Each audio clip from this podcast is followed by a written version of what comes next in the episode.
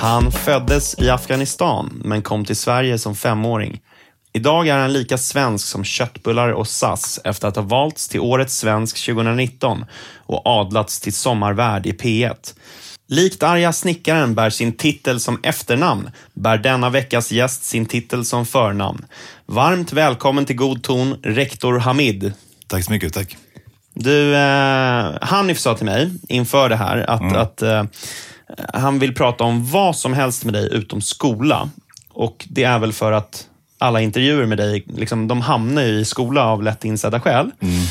Och vi ska absolut prata om andra saker också. Alltså inte bara skolan. Men jag tänker ändå så att man kan väl inleda med den mest naturliga frågan när man, när man har dig som gäst. Och det är, vem skulle vinna i en cage fight av dig och Jan Emanuel Johansson? För jag tänker så här, Jan Emanuel måste ju ändå vara ganska smidig. Men får du in en smäll, då, då avlider man va? Ja, det är en bra fråga. Jag har aldrig träffat Jan Emanuel, så jag vet inte hur stor och stark han är. Eh, men han har ju också...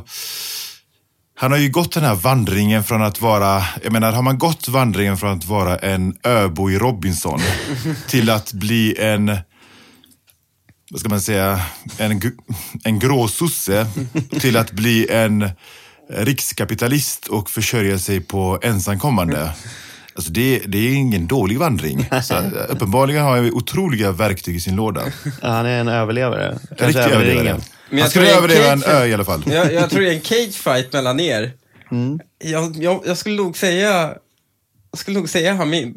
Du? för, att, för att Jan Emanuel är inte så smidig heller. Jo, men fan, han kör ju så här höga Paolo Roberto roundkicks på säcken och grejer. Har Ja, just det, det såg jag fan. Ja, Ah, fan, nu Ah, blir jag är tveksam. Ja. Nu blir jag tveksam. det är svårt. Ja, det är här, väldigt svårt. Det här är sån här eh, klassisk K1. Kommer du ihåg det sändes eh, Fan, K1? jag tittar alltid på det. Tittar du alltid? Alltid. Kommer du ihåg när Bob Sapp var där för första gången Japp. mot eh, Remy Bonjaski. Ja, Eh, eller nej, nej, nej, eh, eh, Ernesto Hoost. Ernesto Hoost? Du var ju en sån här klassiker. Ja, det var så här, det blev en... Du är Bob Sapp här vill jag bara säga. För det var så här ramaskri, för Erne- Ernesto Hoost hade liksom vunnit eh, K1, han var eh, otroligt framgångsrik, kom från eh, Holland som fostrat mängder med duktiga eh, typ thaiboxare. Eh, och så möter han den här stora amerikanska ex-fotbollkillen. Och han bara rusar på och trycker upp honom mot eh, ringen, mot, mot repen och bara slaggar totalt. Och, och får omkull Ernesto Hoost. Och det, det, det, det skulle inte vara möjligt. Ja. För Bob Sapp hade liksom en sån här grej att han hade bara kondition för en halv rond. Så det gällde för honom att vinna under den halva ronden. Ja.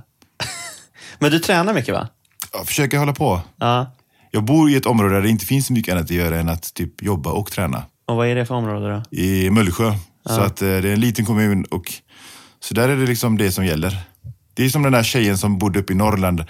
Hon, Just det, armbryterskan. armbryterskan. Hon sa ju det att vi hade inte så mycket annat att göra än att bryta arm. Ja, det är det och GHB liksom. Ja, precis, precis. Men eh, har, har det alltid varit så? Du har du har alltid varit intresserad av att träna och sådär? Jo, men det, jag har inte gjort, ja, men det, det har varit spännande. Jag började, när jag gick ut gymnasiet så vägde jag typ så här 74 kilo. Eh, What? Ja, det är sant. Det är helt galet. På riktigt. Det skulle man inte kunna tro. Alltså, Nej, jag har några gamla bilder. Man skulle här- inte tro att det är jag. Men, men sen så sa min morsa, men fan gå och gör något vettigt. Eh, Skaffa ett gymkort. Och så tänkte jag, men vi provar det. Och så fastnade jag för det. Men uh, uh, vägde du så lite för att du aktivt höll nere din vikt för att vara slank? Nej, nej, nej. Jag, jag, Du bara, åh, dina, jag, din- dina föräldrar bara gav dig lite med mat. det- för nej. att du verkar ju ha anlag att bli stor. Nej, alltså jag, jag, jag var väl Sen inte började så du äta valmjölk. Eller buffelmjölk. Men, eh, nej, men det bara var så att jag, jag, var, jag har varit smal- i hela mitt liv. Alltså jag väg, vägde ganska lite under hela min uppväxt. Och sen, när jag, tog, jag kollade på mitt gamla studentfoto, jag tror att jag var liksom smalast i hela klassen. Men sen efter gymnasiet så kom man igång och började bygga och gå upp i vikt och så. Och ibland frågar folk mig, hur gör man för att gå upp i vikt? Så brukar jag säga, det är ganska enkelt. Ät när du inte är hungrig. så går man upp i vikt. Det är inte svårare än så. Oftast människor, äter ju människor när de är hungriga. Men man ska äta när man inte är hungrig, då går man upp i vikt. Ett en, mycket enkelt recept. Jag har inte riktigt det problemet. Jag, Jag har det problemet.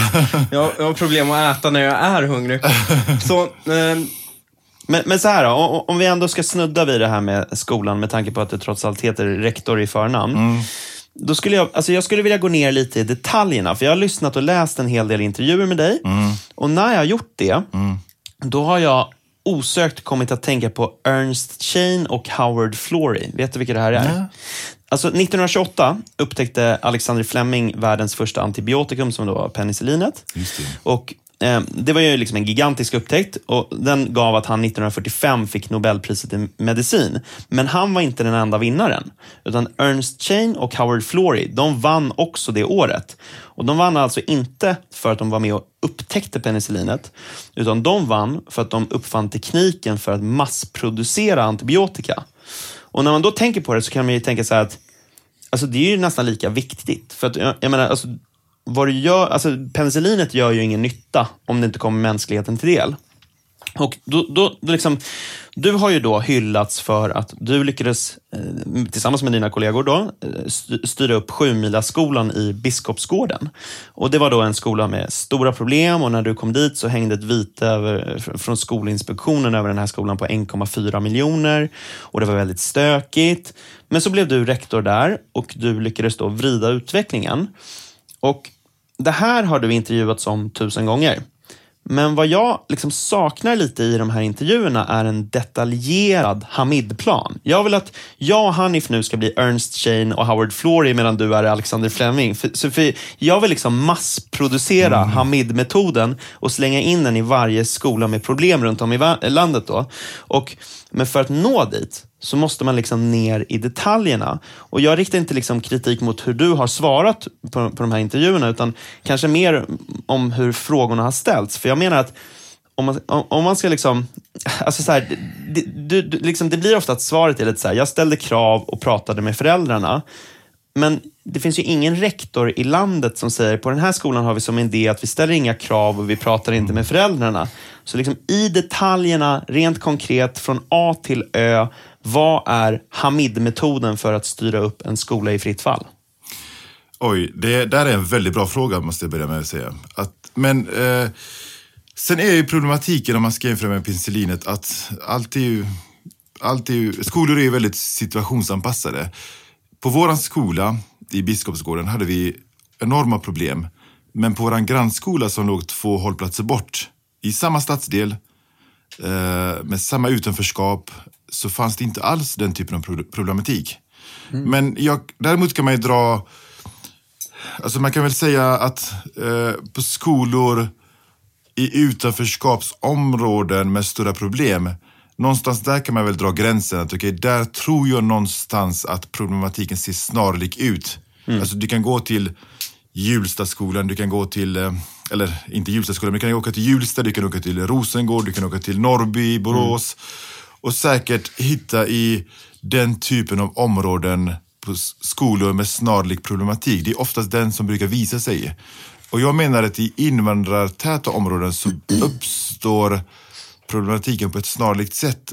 Så om man ska tala om en metod då, så skulle jag säga att um, på den typen av skolor så måste du som rektor vara ännu mer påläst kring skollagen och styrdokumenten, läroplan och så vidare. Du måste eh, du måste ha ett öra mot marken på skolan. Alltså hur är jargongen i korridorerna? Det är helt avgörande. Så, jag menar till exempel att kurators uppdrag på en sådan skola, det måste vara ute i korridorerna. Det kan inte vara en person som sitter på sitt rum och, tänker att ja, men jag tar emot ungdomar som mår dåligt och sitter vi nere och bara pratar. Utan du måste veta vad, vad man pratar om ute i korridorerna. Du måste etablera ett sådant samarbete med föräldrarna att skolan är A och O. Och det kan, i sin tur kan innebära att du måste tala om för föräldrarna att ni kan inte åka utomlands när vi har eh, Eh, när, när, när läsåret är igång. Jag kan ta ett exempel. Vi hade en pappa på, i Biskopsgården som hade åkt eh, iväg, över sommaren till Somalia. Och så kommer han tillbaka, vi har läsårsstart, upprop och allting. Och hans fyra barn är kvar i Somalia. Uh, och då berättade han för mig att mina barn är kvar med sin mamma för att uh, uh, barnens mor, mormor är sjuk. Så mamma behövde stanna kvar där och då stannade de fyra barnen kvar med henne. Och så sa jag att men det funkar inte så. Du måste hämta dina barn tillbaka till Sverige. Så antingen åker du dit och hämtar barnen tillbaka eller så sätter din fru barnen på ett flyg och skickar tillbaka dem till Sverige. Och då försökte han krångla lite grann och säga, men jag jobbar, jag kan inte komma härifrån. Så sa jag, men du kan skriva ett intyg till din arbetsgivare att, du får, att det har hänt någonting, jag måste åka iväg och hämta barnen. Uh, den typen av saker får du mm. inte vika dig en tum på.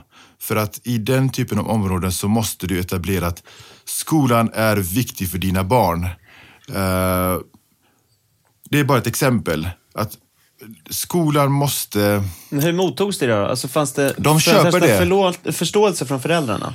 Ja, alltså de förstår ju. Men när, men när, man försöker krångla till det på det sättet så, så ska man inte vika sig. För skolans roll är oerhört viktig. Och att du inte viker dig på att göra en orosanmälan till socialtjänsten. Jag skulle säga så här. Men är det också för att du har invandrarbakgrund? Den frågan har jag också fått.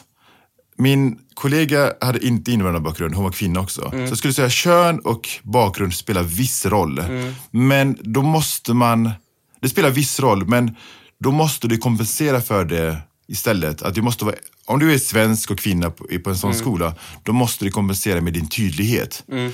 Den nuvarande skollagen i Sverige, den ger rektorn väldigt långtgående sanktionsmöjligheter. Men då kan man ju undra, men varför, sker, varför är skolan så mesig ibland? Jag tror att istället bottnar i att man inte använder hela verktygslådan. Du kan i svensk skola idag uh, utvisa en elev, du kan ha kvarsittning i svensk skola, du kan, ha, du kan stänga av en elev, du kan omplacera eleven på en annan skola. Jag har gjort det vid två tillfällen. Så du kan omplacera en skola, elev på en annan skola. Nu funkar inte det här längre. Vi har provat allt det andra. Men, men jag och du kan också ha mobilförbud på skolan. Apropå det här med januaripartiernas mm. eh, utspel att vi ska införa mobilförbud. Det kan du redan idag göra med den nuvarande lagstiftningen. Mm. Problemet menar jag att i svensk skola, många av de som jobbar i skolan, de, de går inte hela vägen. De är inte konsekventa. Uh, och då har vi ett problem. Uh, för då blir skolan istället ängslig, den flackar, man vet inte riktigt var den står. Det är samma sak det här med eh, när föräldrarna önskar att deras barn inte ska delta i vissa inslag i undervisningen. Simning, eh, idrott och så vidare. Och så vidare. Eh, även där, gå till skollagen. Den är väldigt tydlig med att det är väldigt restriktivt, väldigt restriktivt för att ge en elev avsteg från undervisningen. Det måste finnas synnerliga skäl och jag tolkar synnerliga skäl som att det ska finnas någon slags kronisk sjukdom mm eller att du har blivit opererad och inte kan röra på dig. Då, då, den typen av skäl. Mm. Men inte för att föräldern önskar att ah, men mitt barn ska inte delta i simundervisningen av ideologiska eller religiösa skäl. Uh, så, men då, måste, då vilar det ett stort ansvar på lärarna och på rektorn att stå på sig och hänvisa. Du är så jävla diplomatiskt. För att det du pratar om egentligen är att man ska agera lite osvenskt.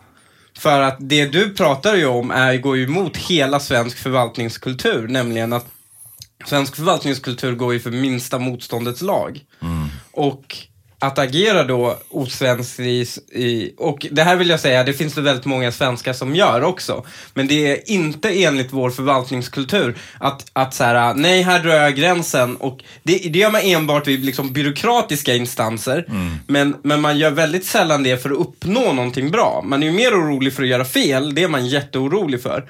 Men det här med att göra rätt, det vågar man inte göra så himla mycket motstånd för. Varför är det så? Jag tror det är kulturellt. I och med att det förekommer inte bara i skolor, det förekommer i kommuner, det förekommer liksom eh, in, på företag, på arbetsplatser. Jag tror det är ett kulturellt fenomen som är liksom kanske det som skiljer oss mellan oss och danskar. Liksom. Alltså att det, vi, vi är det minsta motståndets lag är lag i det här landet. Liksom. Du kan ha poäng i det för att min syster hon, hon är läkare och hon gjorde sin eh Uh, ST, nej förlåt, mm. hon gjorde sin AT i Köpenhamn, på Rikshospitalet i Köpenhamn. Ja.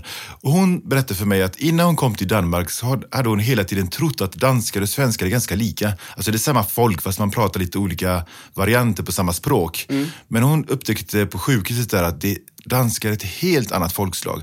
Hon sa att det var inte ovanligt att en läkare kunde få världens utbrott på sjuksköterskorna under operationer. Alltså bara skrek ut. Någonting, hon all, någonting som aldrig skulle kunna hända på ett svenskt sjukhus på det sättet. Mm. Eh, du vet, de visade känslor på ett helt annat sätt. Sen var det inget mer med det efteråt. Mm. Eh, men det kanske är det där med att man brukar säga att ja, svenskar stoppa äh, knytnäven i fickan. Ja. Mm. Vilket är väldigt roligt att den lågaffektiva metoden kommer från en dansk. Alltså det, är Det är så jävla paradox. ro- det, är så jävla roligt. Men, men jag tror det, det, det, alltså, det, det handlar inte om din, din bakgrund. Alltså, och det här är ju lite, det märker jag inom politiken. Nämligen att ehm, det är väldigt många med svensk bakgrund inom politiken som ehm, inte klarar av att stå på sig ensamma. Utan antingen så gör man det i en väldigt stor, liksom, man blir martyrer i grupp liksom. Ehm, och det, det har väl liksom varit SDs affärsidé lite att så här, nu ska vi gå emot strömmen, det är viktigt att vi håller ihop här, alla gör det tillsammans. Men, men den här idén om att ensam gå emot strömmen är ju någonting som domineras i stor utsträckning av, av politiker med invandrarbakgrund. Eh, och ekonomer med invandrarbakgrund. Särskilt inom, så att säga, etablissemanget. Ehm, Du vet, när jag började på Sjumilaskolan i Biskopsgården, på mitt första föräldramöte så kom en storvuxen turkisk pappa från Norrland. Han kom fram till mig och så tog mig hårt i handen och sa han, du måste vara eh, sträng mot föräldrarna. Så förstod jag inte riktigt vad han menade. Vad menar han med det? Men det, sen gick det upp för mig att det han menar är att du måste vara konsekvent mot föräldrarna. För grejen som många svenskar inte förstår när det gäller, och det här är utifrån integrationshänsyn, är att invandrare som har kommit till Sverige, de vill ha tydliga ramar. Det system du presenterar för dem, de rättar sig in i det.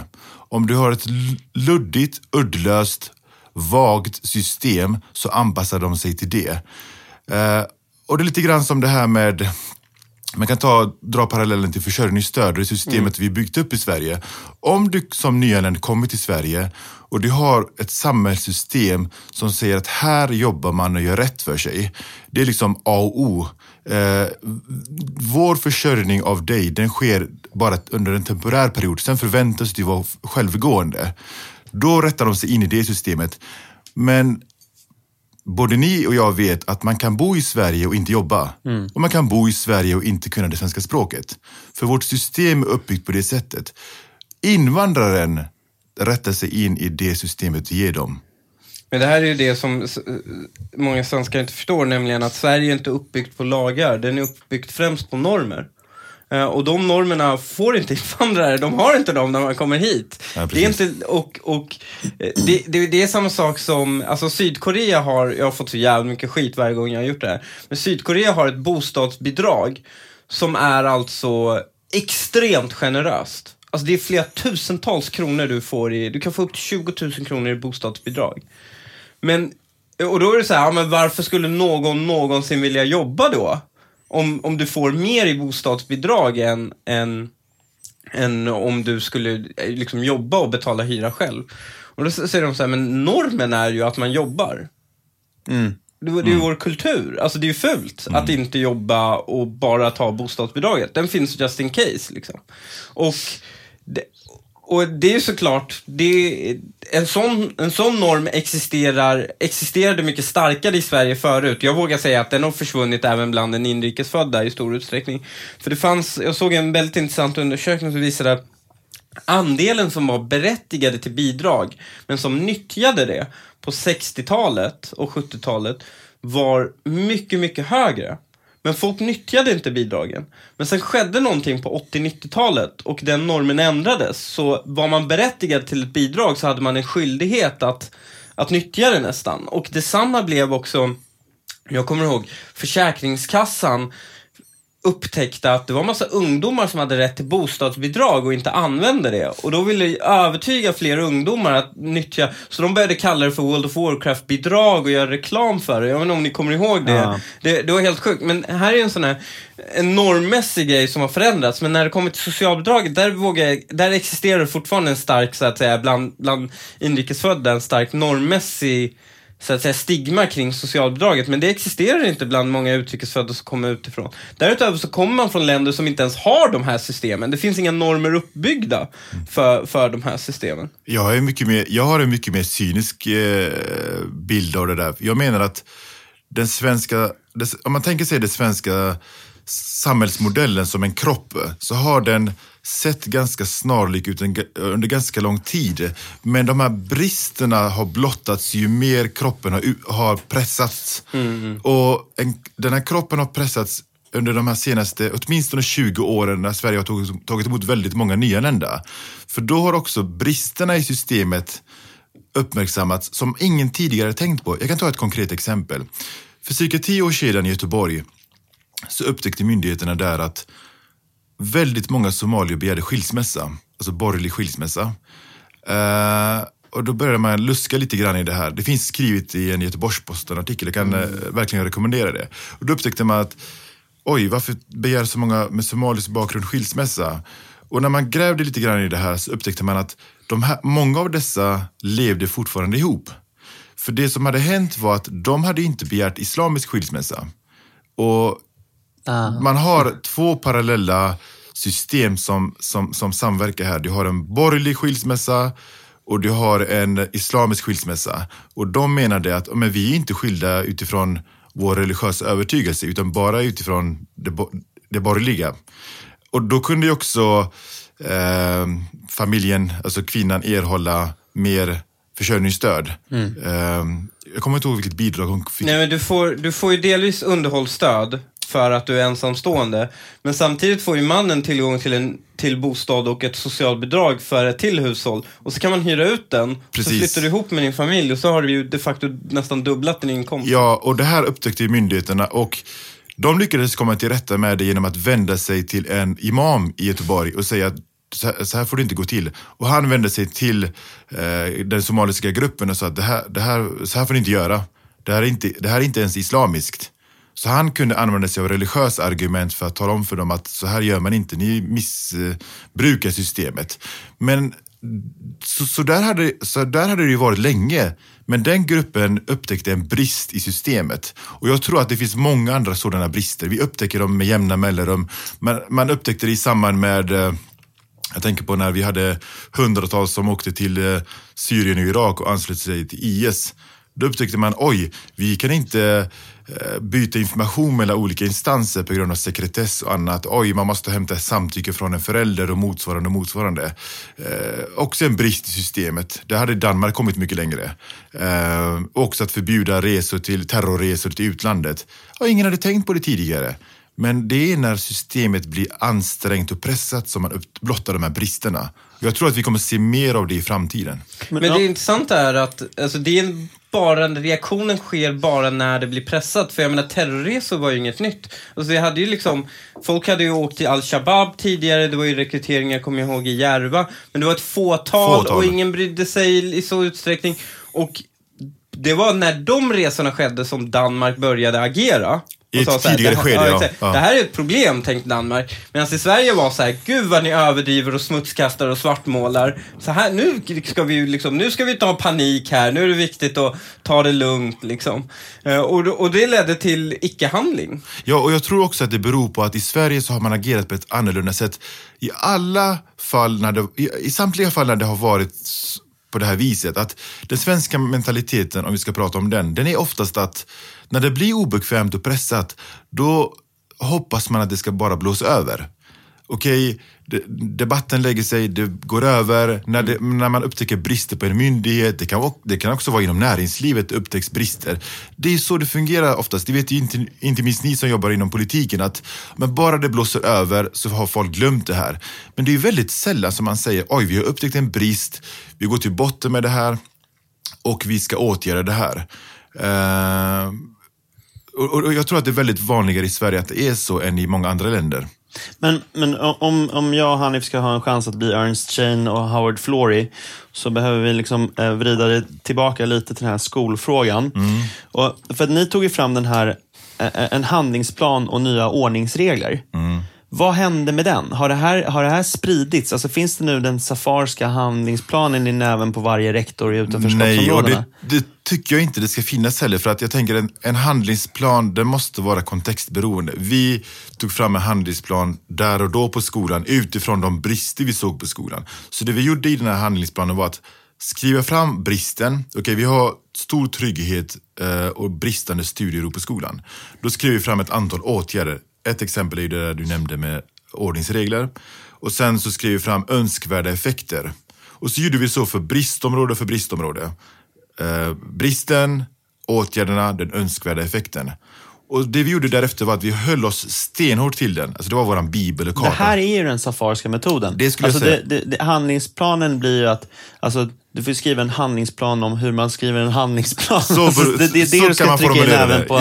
Jo, så skulle man kunna formulera det. Att, Ja, men för att det, liksom, det måste väl vara den faktiska metoden? Ja, och att om- ni benade ner, bara, Ja. vad, är, vad är problemet, var vill vi hamna och hur gör vi det? Liksom? Fast det, det, det, är ju- det är ju inte, jag bara ser problemet som en politiker för det är ju att det är inte, det är inte massproducerbart. Nej. För att, att, skriva, att identifiera vad som är problemet, det kräver ju en individuell, så att säga, det beror ju på individen. Det beror ju på vilken kompetens och förståelse rektorn har över vad som är problemet. Om du har en rektor som tror att problemet är att vi inte visar barnen tillräckligt mycket kärlek eller whatever, alltså, ja men då kommer den landa i andra slutsatser eh, och, och, och, och handlingsplaner i, i liksom om, om, och det är som, jag, jag kommer ihåg i, i min skola där man hade problem med att typ så här, folk tog ner, alltså förstörde möbler och konst och sånt. Eh, och då var rektorns problem, lösning på det problemet att det inte skulle finnas möbler och konst att förstöra. Eh, och det, det är ju liksom, det, är ju, och det, är ju, det beror ju helt på den rektor. Det kan du inte, det är så himla svårt att reproducera. Det kan du inte. Det är intressant att du nämner det, för att när jag kom till den skolan i Biskopsgården så hade man också hanterat den här eh, skadegörelsen som var ganska vanlig på skolan. Då hade man tagit bort väldigt mycket från korridorerna. Alltså man hade liksom, det var väldigt kala korridorer med väldigt lite inredning. Ja. Ja, då kan ju rek- rektorn resonera att ja, vi har åtgärdat, men är det så vi ska göra?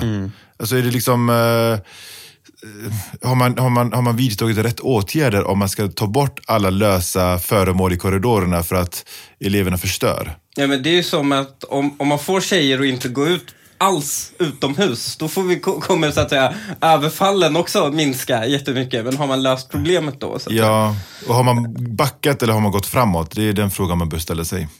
Men, Okej, men om vi ska då reproducera det här, då tänker jag att det måste ju vara någon där ute som är ansvarig för att sprida best practices eh, inom, inom svensk skola. Jag menar, inom politiken är det lite svårt i och med att där existerar det ju konflikt över vad som är best practices. Så det gör vi ju inom i, liksom, inom Moderaterna finns det ju liksom någon form av struktur där vi sprider best practices mellan kommuner exempelvis. Ehm, jag som kommer från Solna, där har vi ju liksom, vi jobbade ju fram våran modell på hur vi ska få ner bidragsberoende exempelvis. Eh, särskilt kopplat till invandring och socialbidrag. Men vi var ganska ensamma om det, men sen så vid ett par maktskiften och tack vare lite nätverk och sånt, så har vi lyckats reproducera det här i ett par kommuner, i Sundbyberg, i Växjö och så vidare. Till och med eh, socialdemokratiska kommuner har provat semivarianter av vår modell och fått väldigt goda resultat. Eh, men då undrar man, vem är det som är ansvaret då för att sprida då best practices i svensk skola? Det är jättesvårt det där. Det där är jättesvårt. Eh, för visst, du kan ju skriva fram reformer och eh, du kan skriva fram handlingsplaner och motsvarande, men sen måste det ju finnas någon som eh, gör verkstad av det också. Eh, och sen kan ju utfallet bli väldigt olika beroende på ve- vem det är som genomför arbetet också. Eh, jag tänker på en sån sak som, eh, vi har inte pratat så mycket om eleverna. En sak som vi upptäckte på vår skola var att ehm, Eleverna hade usla resultat. Lärarna på högstadiet upptäckte att vissa kunde inte ens multiplikationstabellen. Många av eleverna var väldigt svaga läsare. Och läser du långsamt så hinner du inte du läsa klart alla provfrågorna på ett nationellt prov. Så vi screenade av eleverna och det finns väldigt bra screeningverktyg där du kan se hur snabba läsare elever är till exempel. Och sen gjorde vi någonting som var ganska okonventionellt. Vi stoppade in eleverna på schemat, alltså schemalagda lektion, extra lektioner för just de som hade mest behov av det. Och så körde vi jätteintensivt med de här eleverna sex till åtta veckor och så följde vi upp det på nytt och vi kunde se vid varje avstämningstillfälle att de hade fått bättre resultat. Samma sak med simningen. Men, men, om, men om man inte gör på det viset så får du inte den effekten. Jag tror att vi är så dåliga i svensk skola på det där. Att okej, en riktad insats. I Japan till exempel, och i Sydkorea, där jobbar man ju väldigt mycket mer åt det hållet. Att man, man intensiv eh, kör eh, vissa, vissa, vissa delar. Men i svensk skola, den är ju så präglad av det här att exkluderingsideologin, som jag kallar det. ja men de kommer ju sticka ut eller vågar vi göra på det viset? Eh, Ska de verkligen ha en extra, eller två, tre extra lektioner på schemat i veckan? Eh, Det sticker ut. Men, men använder ju, när man inte gör så, Norge gjorde ju till exempel inte så, alltså rikta. Eh, utan då körde man liksom läxhjälp till alla. Körde man. Och eh, sådana insatser tenderar att bli självrekryterande, nämligen att folk som är studiemotiverade är de som dyker upp. Och vad det läxhjälp till alla ledde till var ju att skillnaderna i kunskaper ökade ännu mer. För att de duktiga dök upp och så fick de läxhjälp och sen så... Ja, så du måste rikta in åtgärderna utifrån behovet. Har du elever som inte kan multiplikationstabellen och går i sjuan åttan så måste du jobba med multiplikationstabellen för de eleverna som inte kan det och går i sjuan åttan. Så att det, det, det, vi har ju inte, alltså ett problem, ett generalfel som vi har i den svenska skolan, det är att vi inte har bra grindvaktsystem i skolan. Och det tror jag bygger också på idén om att alla ska gå samma väg. Men om man tar till exempel Tyskland, Går du ut årskurs tre och du inte har tagit till dig de mest grundläggande färdigheterna, ja, då får du gå på ett parallellt system tills du har tagit till dig de grundläggande förmågorna och så går du tillbaka på ordinarie spår igen. Men i svensk skola har vi inte lite den typen av system. Alltså vi tog ju bort de här särskilda undervisningsgrupperna i många kommuner. Jag har träffat skolchefer från vissa kommuner som säger i våran kommun har vi inga särskilda undervisningsgrupper för att ingen ska sticka ut. Ja, och då, då tvingas ju de där... Björntjänst. Ja, man gör det med björntjänst. Det är dampklasserna vi pratar om va? Nej, Du får alltså du, du har elever som, som Ja, du kan ju ha elever som har ADHD eller autism eller har jättesvårt eh, i skolan och de klarar inte av att fungera i ett större sammanhang. Och De fun- behöver fungera i ett mindre sammanhang. Men då straffar man ju de här eleverna också. Och du straffar de andra som är där inne också. Så det, det, det skulle jag säga är ett jättestort Men det sjuka fel. med det är ju hur resurskrävande den... Det, är ju, det, här är ju, det här är ju den delen av George W. Bush no, no Child Left Behind som kritiserades väldigt mycket när det implementeras. Men i Sverige har vi sen, så implementerade faktiskt den borgerliga regeringen eh, den här liksom inkluderingstanken. Och då var det ju idén att nej, men då ska barnen vara i eh, barn med särskilda behov ska vara i klassrummet och så ska man ha speciallärare eller något som hjälper dem i det klassrummet. Problemet är att så funkar det ju inte i praktiken, utan i praktiken blir det ju att du får två, tre barn med väldigt stora behov vars läraren hela energi måste gå till det. Och då klarar du inte av att ha så stora klasser. Sverige har internationellt sett väldigt små lärare, alltså, eh, eh klasser. Och det är så märkligt för att så fort man pratar om satsningar i skolan, då, då kräver lärare, då kräver föräldrar ofta så här, mindre klasser, vill ha mindre klasser så att barn får hjälp. Men om du skulle plocka ut de absolut mest behövande ur de klasserna och ge dem särskild hjälp i mindre klasser, då skulle du kunna ha större klasser, mycket av lärarbristen skulle kunna åtgärdas av det och du skulle också kunna liksom få bättre ordning i klasserna. Eh, och det, är- det är så, så, så, så himla sjukt med, det är en ideologisk övertygelse som får väldigt praktiska märkliga konsekvenser. Ja, och man valde ju länge att inte satsa ordentligt på speciallärare till exempel. Alltså förr, för några decennier sedan, så, så var ju speciallärare någonting som skulle jobba precis med de här eleverna som hade det svårast. Men sen förändrade man speciallärarutbildningen. Man examinerade inte särskilt många speciallärare. Och just för att, det är som du säger, att man skulle in med alla eleverna i klassen och så skulle de få hjälp och stöd där inne. Men jag tror precis som du säger att om de fåtalet elever som har stora svårigheter, om de får det genom en till exempel en speciallärare, då kan, du kan du öka elevantalet in i klassen också. För nu kan du ha en klass på 20 elever, du kan, du kan ha en klass på 15 elever, men om tre av de här eleverna kräver enorma resurser, då kommer den läraren uppleva att den har dubbelt så många elever. Alltså det, det, det, det tar så mycket energi som du hade det dubbla antalet. Men du, du har nämnt att du hade en lärare som hette Elvi, som betyder mycket för dig. Vad, vad- alltså, apropå betydelsen av bra lärare, skulle du säga att den svenska lärarkåren håller en tillräckligt hög eh, nivå på ett generellt plan? Eh, vi har ett stort problem i Sverige, ett annat stort problem inom svensk skola, det är att lärarutbildningen är alldeles för dålig. Eh, jag brukar säga att lärarutbildningen är elefanten i rummet för att man har genomfört reformen, eh, jag menar Björklund genomförde stora reformer, men de som, klaras, de som har klarat sig under alla reformer i alla år, det är lärarutbildningen.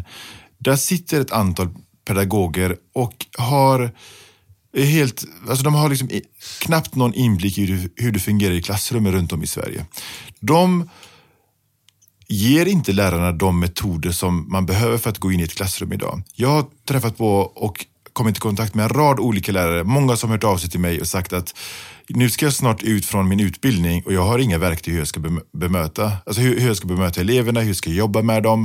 Eh, så vi utbildar mängder med lärare men som är oförberedda för verkligheten. Eh, Jag tror att man måste börja med lärarutbildningen. För att kan du inte, du kan, ha, du kan vara duktig på väldigt mycket som lärare, men om du inte har metoderna och verktygen för att jobba in i ditt klassrum så är du, du är körd idag alltså. Det, är så, det, det kan bli så tufft. Och vi har ju också väldigt många lärare som inte jobbar som lärare idag och det, jag tror att det är, där är en förklaring till det. Skolverket har ju vartannat år statistik på hur många lärare som är examinerade men inte jobbar inom svensk skola idag. Alltså det är galna siffror. Alltså vi pratar om tiotusentals examinerade lärare som inte jobbar i skolans värld i en tid då det är liksom rekordlärarbrist. Och det finns en anledning till att det är på det viset. Vi har ju pratat om det här, några av de här förklaringarna, några av de här orsakerna. Men, men, men, det, det är ju jätteilla. Det är som att du skulle ha mängder med poliser, men som inte jobbar som poliser. Mängder med läkare, men som inte jobbar som läkare i en tid där du har liksom rekordbrist på läkare. Det är ju ohållbart att det ska behöva vara på det viset. Och då måste man spåra orsaken tillbaka till lärarutbildningen. Och börja därifrån. Alltså ta bort den här överakademiseringen inom svensk lärarutbildning. Utbilda dem i, ett praktiskt, alltså i det praktiska hantverket. Så här jobbar du i klassrummet, så här ska du stå, så här skriver du på tavlan, så här jobbar du med eleverna, så här ska de sitta. Alltså gå ner på det som fungerar. För jag brukar säga att en skolas bultande hjärta, det är liksom inte personalrummet eller rektorsexpeditionen. Det är det som sker inom klassrummet. Det är där man måste börja. Men här är ju problemet, som jag ser det, när det kommer till akademin, att här får ju politiken bli plötsligt väldigt bakbunden. För att som politik, att, att som politiker gå in och börja mickla i akademin är såklart väldigt, väldigt känsligt. Eh, och snarare förmodligen omöjligt också.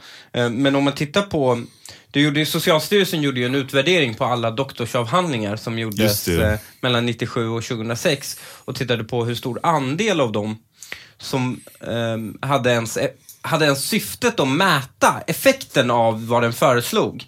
Eh, så var det alltså bland 6% av alla avhandlingar inom pedagogik hade ens i, i, alltså, eh, försökt ens utvärdera. När de tittar på hur många av dem som hade en god kvalitet på effektutvärderingen så var det liksom obefintligt. Men, men det där speglar ju precis det jag säger, att det är Alltså, vi, har väldigt få, vi har väldigt få effektstudier inom svensk skola idag. Att det här, det här fungerar, det här ger de resultaten.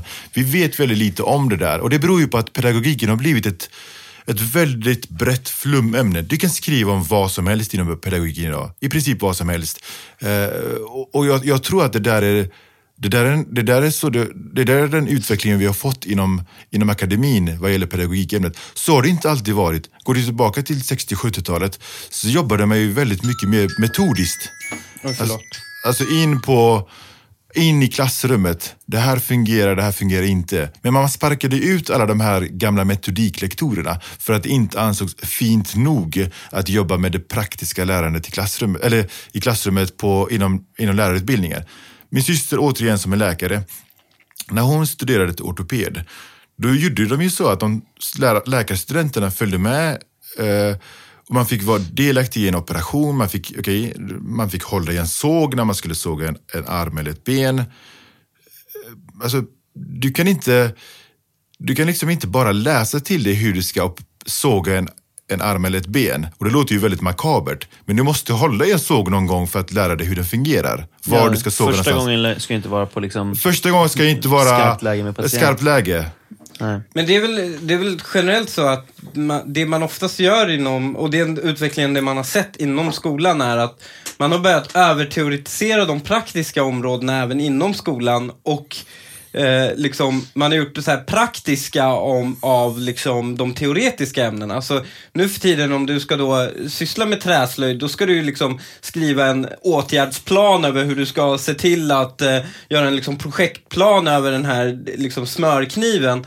Men sen när det kommer till samhällskunskapen, då ska du liksom visa den franska revolutionen genom teater. Liksom. Alltså det har ju blivit liksom, eh, så, så himla märklig... Det är väl det som han Mats Alvesson skriver om det här med, eh, eh, vad kallar han det för någonting, funktionell dumhet. Alltså det är liksom det man ägnar sig väldigt mycket inom akademin åt. Men också på många arbetsplatser.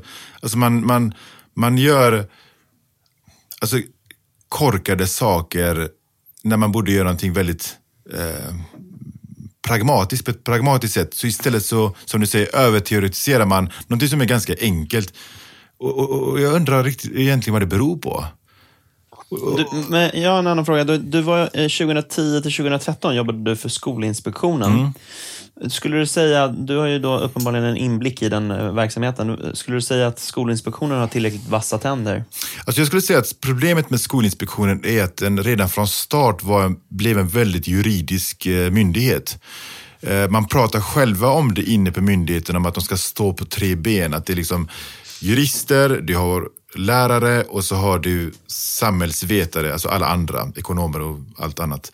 Men jag kunde ju redan, redan då se att Alltså, den stod ju väldigt mycket på de det juridiska benet. Alltså, väldigt många av de som jobbar inne på Skolinspektionen är jurister. Ganska många unga jurister. Och de har liksom ingen aning om hur en lärares vardag kan se ut. Eh, och det, då blir det ett problem. För att då blir de ju sådär paragrafryttare istället, de här handläggarna på Skolinspektionen. Och läraren har gett, men vi kan ta till exempel det här med de eh, uppmärksammade fall vi haft i Sverige där eh, barn och elevombudet som är en del av Skolinspektionen. Ja, en, eh, vi hade ett uppmärksammat fall i, i Mölndal här om året. En pojke står på skolgården och kastar sten på några, på några andra elever. En lärare kommer fram och greppar tag i den här pojken och säger, så där får man inte göra. Pojkens föräldrar anmäler läraren för att läraren höll fast honom och kränkte honom inför de andra eleverna. Barn och elevombudet krävde att, att, att huvudmannen, alltså Mölndals kommun, skulle betala, jag tror 10 eller 15 000 för det här. För där hade det skett en kränkning. Då har man liksom inte den förståelsen för att okej, den här läraren agerar för att han vill stoppa pojken för att skada andra elever. Så istället så tittar man på totalt fokus på att här har det skett en kränkning, för så står det i lagstiftningen, att man inte ska diskriminera och kränka. Men det måste ju folk som inte ens är, har egna barn. Men, men, alltså- men man undrar ju, vad, vad, har de barn? Vet de hur det ser ut när de får en stenbumling i huvudet? Alltså, återigen, vad, det blir sådär paragrafrytteri. Och jag tror att det är väldigt vanligt att det är på det viset. Vi har haft en rad sådana uppmärksammade fall. Och det blir så konstigt när verkligheten möter juridiken där. Men du, eh, nu tror jag att vi börjar landa ner i den här eh, Safari-modellen eller Hamid-metoden. Eh, Nej, vi får bara klona dig. Ja, Ja. ett sätt. Men, du heter ju inte bara rektor. Ditt fullständiga namn är ju då rektor Hamid Khan Safar. Och Khan betyder då härskare, Just vilket det. är bland det coolaste man kan heta. Har, har du mongoliskt påbrå? Det här är, det här är, det här är så jävla kul. Jag nästan såg den här kränkt. Jag är frågan. nästan kränkt. jag såg den här frågan, att han hade skrivit det. Ja. Och jag bara, ska jag in med min mångkulturella kompetens här? Och bara, nej, Kör jag hårt. låter Per Ja, ja, kör. köra rakt in i väggen med den här frågan. Ja, ja, det gjorde han också. Ja, men det kör, kör, du. kör. Du Jag- förstår jag- inte jag- jag- jag kan inte Det detta. är helt Kör du. Så, så, Jag har kallat honom för dansk när han egentligen är svensk, eller? nej, nej, ja, så Hamid är ju pashtun. Ja. Och pashtuner, det är ett eh, indo-iranskt folk som har väldigt, väldigt gamla anor i Afghanistan. Mm. Så det klassiska ordet afghan betyder egentligen pashtun. Det stämmer. Eh, medans eh, Mustafa Panshiri då, som är tajik, Mm. han är ju mer en iranier, alltså de är mer perser eh, Mm. etniskt. Medans eh, då de som, då, den tredje gruppen i Afghanistan, nämligen hazarer, eh, som de är ju de som är ättlingarna från eh, Mongoliet. Eh, så, så orsaken till varför shan finns, så är det ju absolut, shan är ju ett är ett turkiskt ord, men det är ju ett språkligt begrepp som adopterats, inte ett etniskt begrepp. Så när du frågar honom, är du mongol? Så, så går du emot hela, så att säga, substansen i hans etnicitet, nämligen att han inte är mongol. Det är personer, det är afghaner som inte är mongoler. Ja, det är även en alldeles utmärkt fråga. Hade jag inte ställt den så hade jag inte fått den här lärdomen. Ja. Men mycket riktigt, det stämmer det som Harry säger. Det stämmer. Jag har blivit så överintresserad av afghanska etniciteter. Ja, det här är inte sunt för dig. Ja, jag vet, jag vet. Men, okej, men, men du kom till Sverige när du var eh, fem. Ja.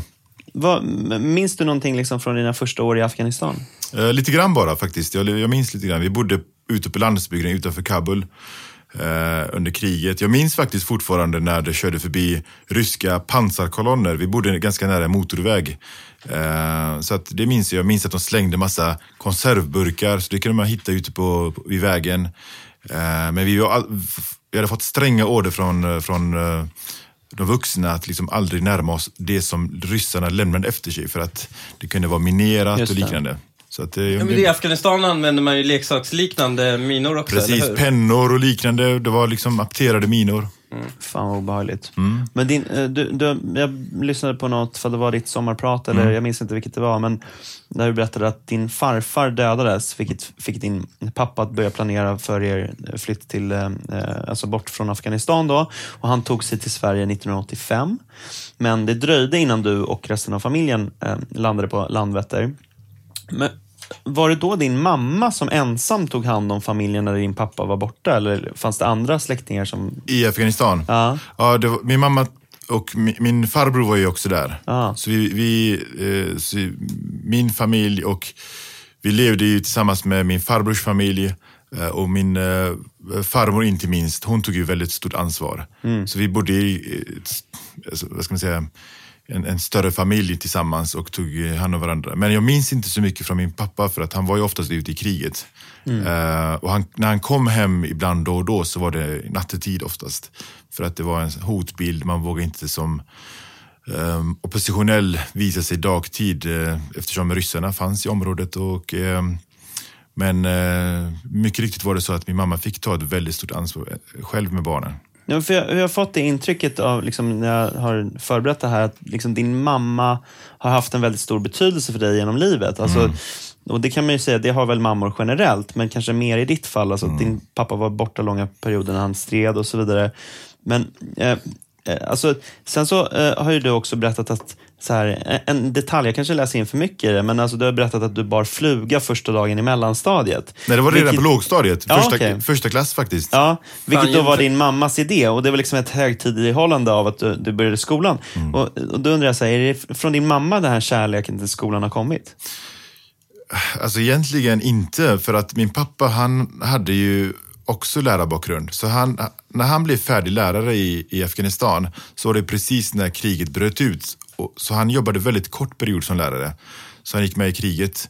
Eh, så jag har ju mer från min pappas sida. Men däremot så, min mamma kom ju till Sverige som analfabet. Hon hade aldrig gått i skolan. Eh, men i Afghanistan så har vi en väldigt muntlig eh, kultur. Så väldigt mycket av det här jag fick lära mig som barn, det var genom min mamma, alltså sagor och liknande. Och hon visste ju vikten av skolan. Så jag menar, hon, hon deltog på alla utvecklingssamtal och, och liknande. Eh, så, så, jag, så jag har tänkt väldigt mycket på det där okej, om, om föräldrarna är analfabeter, men de kan ju samtidigt också med ord och handling visa vikten av skolan för sina barn. För ibland så brukar man prata om det här med föräldrarnas utbildningsbakgrund, att den har jättestor betydelse. Och det har den säkert också. Men jag tror att man inte ska förminska vikten av att alla föräldrarna ska, vis, eh, ska lyfta fram skolans betydelse. Och det finns ju en forskare i Göteborg, eh, Mats Widingsson, han har ju skrivit en spännande avhandling som heter Från miljonprogram till högskoleprogram. Eh, där han har följt ett antal ungdomar från Angered som har mot alla odds tagit sig till högskola och universitet. Och den gemensamma nämnaren för dessa, det är inte att de hade föräldrar som hade akademisk utbildning, utan det var att föräldrarna kunde skapa trygga uppväxtvillkor. Genom att till exempel delta på föräldramöten, utbildningssamtal, se till att det finns rena idrottskläder när de ska gå till skolan. Eh, alltså ställa frågor kring skolan. Jag hade en somalisk pappa, nu lyfter jag ofta fram Somalia, men jag jobbade med mycket somalier i Göteborg.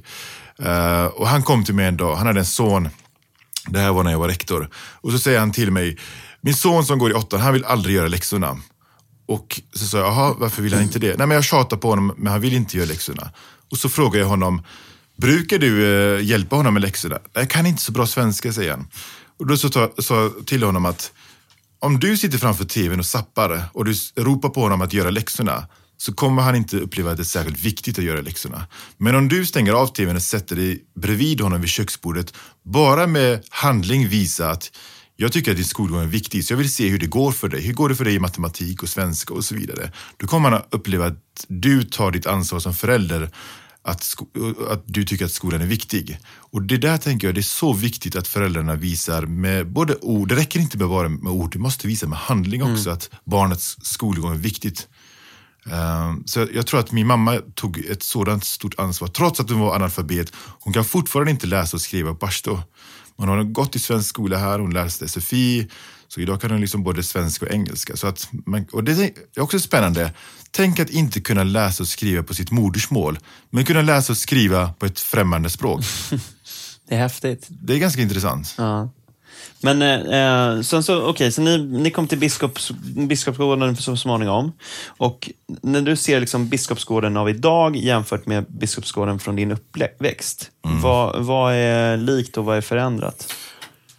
Alltså, befolkningssammansättningen är ju väldigt förändrad. När jag växte upp i Biskopsgården så var det Fanns det svenska då? Det fanns svenskar, vi hade några svenska grannar. Det var ju ett, det var ett väldigt invandrartätt område redan då. Turkarna hade kommit redan på 60-70-talet. Eh, där fanns också en stor grupp eh, portugiser och folk från Kap Verde.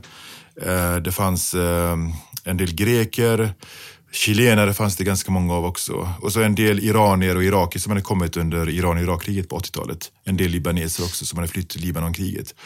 Eh, och sen i början på 90-talet när jag bodde där så kom ju väldigt många från Balkan. Eh, men om du åker tillbaka till, idag till Biskopsgården så ser du ju en stor förändring. Eh, somalierna utgör en stor grupp idag. Turkarna, de är faktiskt kvar fortfarande. De har valt att stanna kvar i Biskopsgården. Många av dem som kom från Balkan är inte kvar där idag. Eh, väldigt få av de som kom från Kap Verde är kvar i, i eh, Biskopsgården. Min parallellklass i när jag växte upp där, det var, bestod bara av elever från Kap Verde och Portugal. Så de hade till och med en, portugisisk lärare som, som undervisade på portugisiska. Så gjorde man ju mycket i Sverige på 80 och 90-talet. Att man hade liksom helfinska klasser. Vi hade en helt turkisk klass med bara, alltså med en turkisk lärare. Ehm, men, men eh, så jag skulle Vad säga... tänker du runt det? Alltså jag är tveksam till det där. Eh, och jag, jag tror att det finns en anledning till att det inte finns kvar heller längre idag. Alltså spontant så känns det ju som att man bara isolerar gruppen ännu mer. Alltså det blir helt omöjligt att integrera som, om du bara håller dig fast till din grupp. Liksom. Fast det är ju någonting, ja, fast samtidigt så här, det är ju, det, det, det är en, den stora skillnaden jämfört med det, jämfört med idag, är att då bibehåller du din ursprungliga ursprungsidentitet kanske. Nu blir det i och för sig, nu är du lika segregerad, det är bara att det är en invandraridentitet istället. Så är det säkert. Så, men, men jag bara tänker, märker du, jag är ju uppvuxen lite i Husby. Och för oss var det ju att, grejen med Husby, det fanns inte mer än två av allt i klassen. Förstår du? Det fanns två eritreaner, två kurder, två iranier, två, två av allt. Det fanns två svenskar till och med. Ehm, men, men när jag var och besökte Husbygårdsskolan nu så var det liksom 50% araber, 50% somalier. Så Det, det, det där, så skulle jag säga, den utvecklingen har också skett i Biskopsgården. Alltså, jag växte också upp i Biskopsgården med två av varje ungefär. Eh, viss övervikt på turkarna, men, men i övrigt så var det två av allt, två svenskar och så vidare. Men, men idag är det en helt annan befolkningssammansättning. Så det, det, det skulle jag säga som svar på din fråga, den stora förändringen som har skett idag. Och idag är då Biskopsgården ett särskilt utsatt område. Skulle du säga att det är möjligt att liksom styra upp sådana områden med hjälp av då, ja, men, kravställande och gränsdragningar och sådär som vi har pratat om? Eller är det så att migrationen också behöver hållas på en, på en sådan nivå liksom att, att, inte, alltså att segregation inte skapas? Alltså den där frågan kräver egentligen två svar. För det Alltså, nämligen... förutsätter, liksom så här, förutsätter fungerande integration en måttfull migration? Ja, mot, mot bakgrund av att så som systemet har sett ut historiskt i Sverige, att de som har kommit till Sverige i huvudsak har bosatt sig i redan hårt belastade områden, då kommer det bara öka på problemet. Alltså då växer problemet. Vi har en EBO-lagstiftning som möjliggör folk att bosätta sig i, i segregerade områden exempelvis. Och jag tänker någonstans att det är ganska orimligt att förvänta sig att när du kommer från Somalia eller från Irak eller Syrien eller jag tänker snarare så här. Det är orimligt att förvänta sig att när du kommer som nyanländ eh, från Syrien, att om du bosätter dig i, ett, i Biskopsgården eller i Rinkeby, att du förväntas veta att din bostadsort där kommer ha långsiktiga negativa konsekvenser för den svenska segregationen, alltså för den svenska integrationen. Det är orimligt att förvänta sig av eh, dem av det. Och det är återigen på det där som jag inledde med att säga. De som kommer hit rättar sig in i det systemet du etablerar. Så idag har vi en EBO-lagstiftning som möjliggör, ger alla möjligheten att bosätta sig var de vill. Och när du har stor invandring, ja då förstärker du det problemet. Jag tror att 20, för några år sedan så upptäckte man att, eller man tittade på en utredning i Göteborg och då upptäckte man att de nyanlända som hade kommit, 90 procent av de nyanlända eleverna gick på 10 procent av skolorna.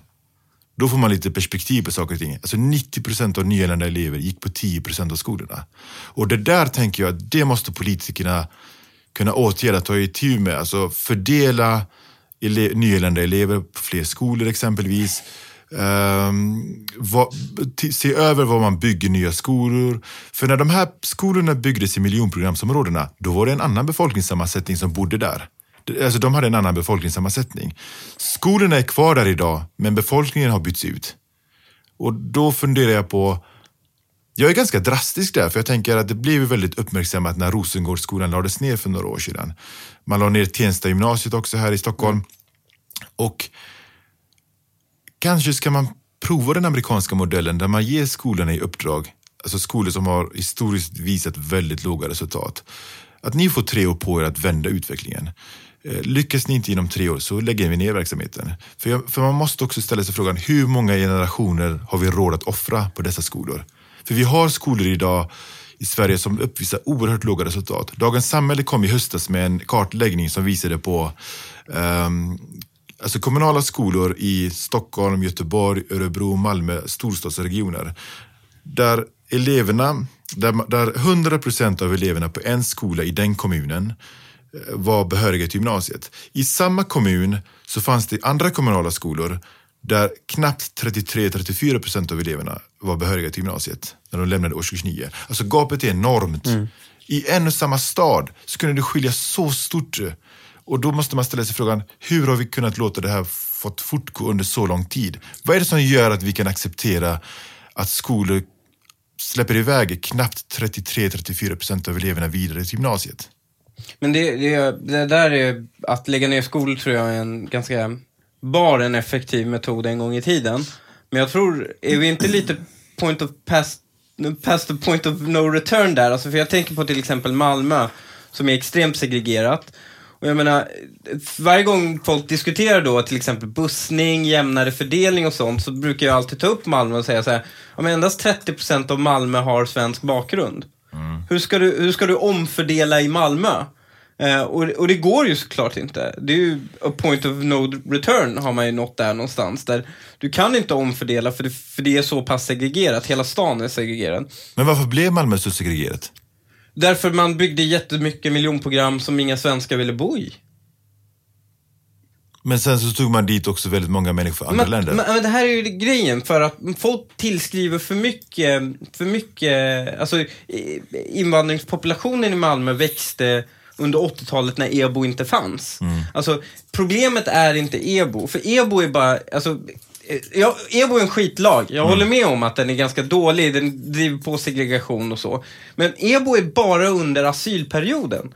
Alltså när du söker asyl så får du antingen vänta i en förläggning eller bo hos släktingar. Och då, EBO är då det bidraget du får om du bor hos släktingar. Men eh, tar du bort EBO så kommer folk bo på förläggningen och sen när förläggningsperioden är slut, då kommer de flytta till sina släktingar i alla fall. Så jag menar, för EBO kommer inte ändra det. Och EBO hade, hade vi inte haft EBO hade vi fortfarande haft den här segregationen. Orsaken till varför Malmö, Göteborg, Botkyrka och de kommer. Det är för att det var kommuner med gigantiska 70-tals miljonprogram som svenskarna inte ville bo i. Alltså på 80-talet var endast var tredje lägenhet i Rosengård uthyrd.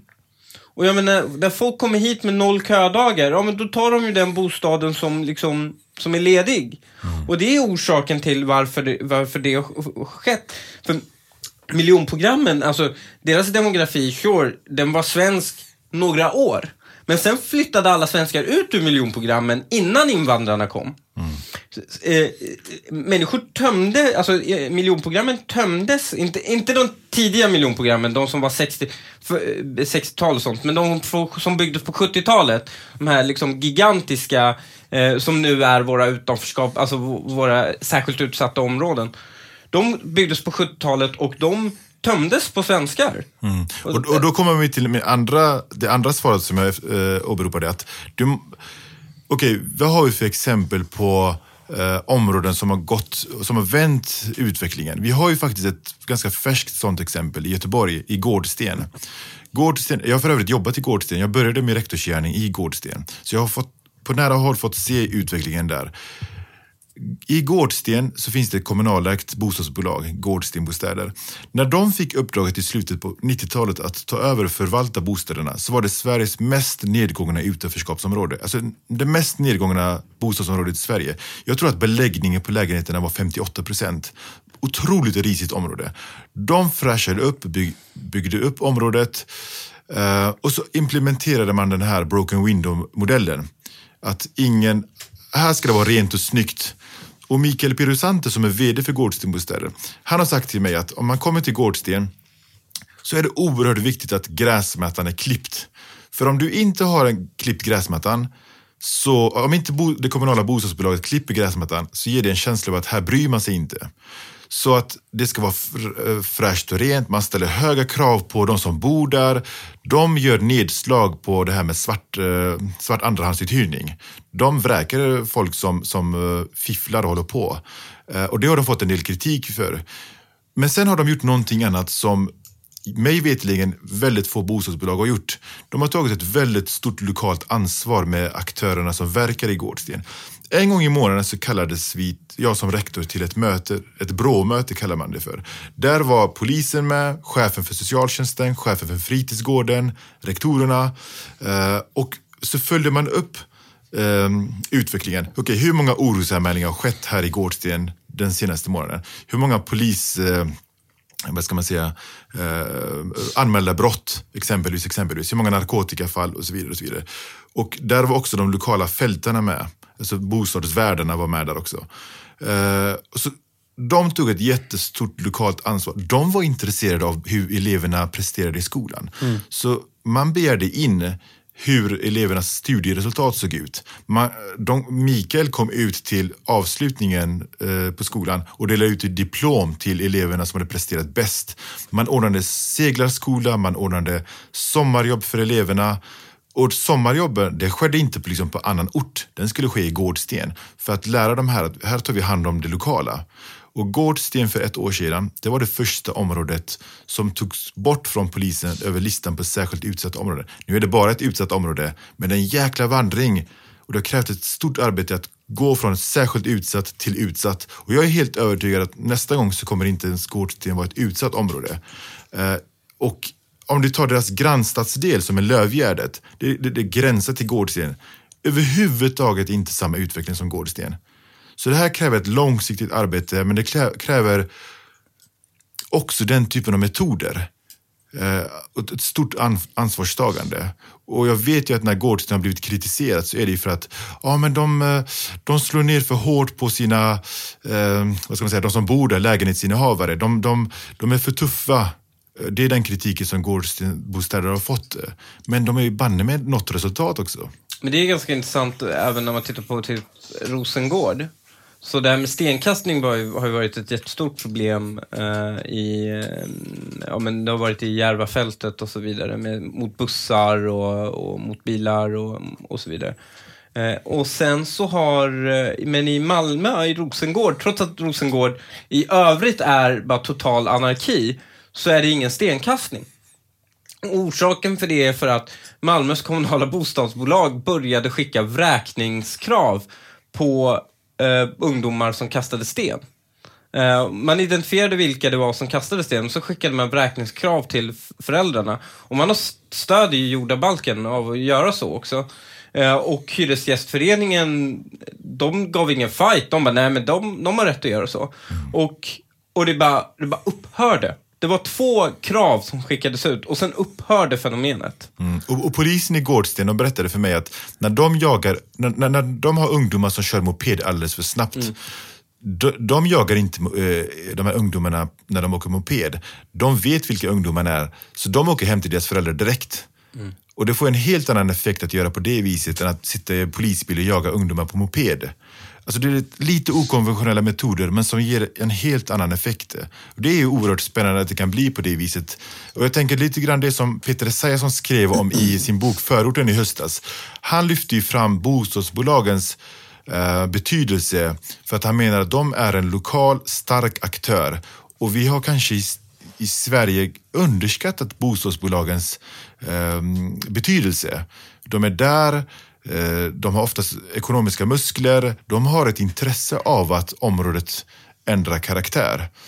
Och, det, och därifrån kan man också dra ehm, paralleller till det här som man har blivit mycket bättre på i vissa andra länder. Framförallt i, i Nordamerika, den här BID-modellen. Där, där man tar, bostadsbolagen samverkar med kommunerna och näringsidkarna för att till, få till stånd en för, förbättrad miljö i närområdet. Och I BID-modellen så är steg ett, det är lite olika steg, men steg ett är att det måste vara rent och snyggt. Alltså trygghet, alltså våra, Men är, våra våra känslor... men är för, problemet med svenska förorter att de inte är snygga? de är, många av dem är otroligt alltså, fullt med skräp, slitna. Så, och det, och det, det är lite det som Broken Window-modellen går ut på. Om det är skräpigt så är känslan att där vill jag inte befinna mig. Och det är lite grann det som, jag, ta till exempel, jag kan tänka mig att här i Stockholms eh, tunnelbana, heter SL? Ja. Ja. Om, om, om någon klottrar, om någon klottrar på, en, eh, eh, på ett eh, säte i någon av tunnelbanetågen. Jag är nästan övertygad om att de byter ut det där omgående. Ja, vi har nolltolerans. Eh, Precis. Det är högern som har nolltolerans Ja, och det finns en anledning till det. Ja. För att om jag stiger på, om jag kommer från Göteborg och stiger på tunnelbanan i, i Stockholm och det är fullt med klotter inne på tågen. Jag kommer välja bort tunnelbanan nästa gång. Nästa gång för att jag kommer känna att det här är inte ett tryggt färdmedel för mig att åka. Så de har ju också tagit fasta på det här. Folk måste känna sig trygga. Är, är spårvagnens fönster krossade och sätena slitna, då väljer man bort det. Då kör man, eh, då kör man bil istället.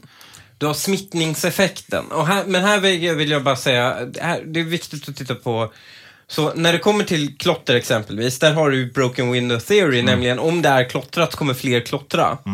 Men eh, de här proffsklottrarna som liksom lever, alltså som är, det var ju Aftonbladet, så var det Expressen eller Aftonbladet som precis, eh, man har ju kommit åt en stor härva det 35-åriga mellanchefer som är de som går och liksom bombar tåg. Eh, med, som är som barnfamiljer och allting. Eh, de har tagit den värsta, den, den största ligan någonsin. Härvan Alltså det är liksom, eh, det, det är män som jobbar. Ja, och, det är Ja, män, alltså, värld- alla, alla, det var väl fyra pers eller sådär. Alla Ja. tjänade en halv miljon eller mer om året. Liksom. Och så går de ut och klottrar på helgerna. det var sån här fight club-grej. Ja, men att precis. man, man, man Exakt. har fungerande jobb och relationer, Ja. sen så går man och hittar på dumheter på kvällen. Och jag menar, du, de, de, smittningseffekten funkar ju inte på dem. Det är ju högt motiverade, be- uppenbart eh, bara benägna människor att, att göra det här. Eh, Men uppenbart att sm- eh, smittningseffekten har definitivt en effekt på, på gemene man som har kanske en annan tröskel till, till att begå den här handlingen. Eh, Och liknande skulle du väl också kunna argumentera i förorter, nämligen att du kommer ju ha en överrepresentation av djävulskap där i alla fall. För du kommer ha en högre andel människor där som kommer vara benägna till, eh, som har andra trösklar. Men den här allmänna, gettofierade, lågtröskel, små slödderheten kommer du ju kunna komma åt genom att försöka styra upp eh, de här områdena. Eh, och, det är väl, och det är väl lite som också varit min stora, eh, som vi hamnat om i en diskussion. Jag vet att du eh, i ditt sommarprat nämnde du att det inte var periodiska systemet på väggen utan man hade målat Tupac. Precis. På din, i, var det i skolan? Precis, inne på Ja, skolan. Och det är ju ingen som tror, och skulle rimligtvis argumentera att en målning på Tupac skulle få barn att plugga sämre eller bli kriminella eller något sånt. Och det har vi ju de- debatterat om på den här podden tidigare. Men det är alldeles uppenbart att det här små, den här lilla tröskeln till allmänt slödderskap sk- blir lite, lite lägre. Men, det, men precis, men på det temat, vi, jag och Hanif har diskuterat det i typ förra eller förra, förra avsnittet. Så här, vi pratade om bland annat gangsterrap. Liksom, och där jag hade en, ett case i det att så här, ja, Eh, eh, jag fattar kritiken kring gangsterrappen. Jag förstår om man typ har en eh, fritidsgård att man har vissa regler om så här, nej men det här budskapet lyssnar inte ni på här. Jag sätter upp mina regler för jag är fritidsledare här. eller så där, liksom. Jag fattar den grejen, just att man vill motverka, alltså mota Olle i grind liksom, och göra saker i tid. Men samtidigt så finns det ju en Liksom, eh, det finns ju en gräns för när, liksom, när kravställandet övergår i moralism.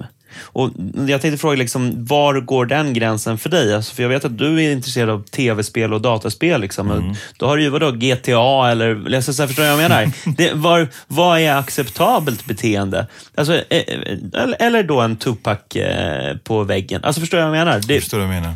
Alltså jag tänker så här att, eh, Hanifs exempel är det där med att istället för att ta en bild på periodiska systemet eller på Da Vincis eh, Venusmannen på väggen så har man istället Tupac. Eh, då måste man också ställa sig frågan, att vad vill man förmedla till de här ungdomarna? Eh, jag, jag, jag, jag kan ta ett exempel. Jag blev kontaktad i Biskopsgården av, ett, eh, av eh, lokala bostadsbolaget där. Och då ville man starta ett konstprojekt med våra elever. Och då frågade jag, eh, de, skulle så, de skulle ställa upp med färg och vi skulle ställa upp med våra elever. Och då frågade jag den här tjejen, vad är det för, någonting slags, vad är det för slags konst ni ska eh, skapa? Och då skickade hon mig no, eh, några exempel och då var det graffiti motsvarande det. Och då frågade jag henne, skulle du föreslå samma projekt till ungdomarna som bor, eleverna som bor borta i Torslanda ute i skärgården? Då fick jag inget svar tillbaka, för hon förstod vad jag menade. Alltså, man förstärker bilden av att förortsungarna, de kan man mata med graffitikonst. Det, är det, de, det är det språkbruket de förstår. Eh, jag, jag har inget emot graffitikonst som sådant, men man måste också vara kritisk. Vem är det som ska Alltså, till vem, är den, vem är den till för? Ja. Eh, Hon, miljöpartist, polit, hon miljöpartiet politikern som var ute i, vilken förort var det här i Stockholm? Man hade för flera hundratusen byggt en klottervägg. Ja, just det. Men, men skulle man ställa upp den klotterväggen i, på Östermalm. på Östermalm? Jag är tveksam till att man hade ställt upp den på Östermalm. Hade man haft en bild på Tupac inne på Östra Real?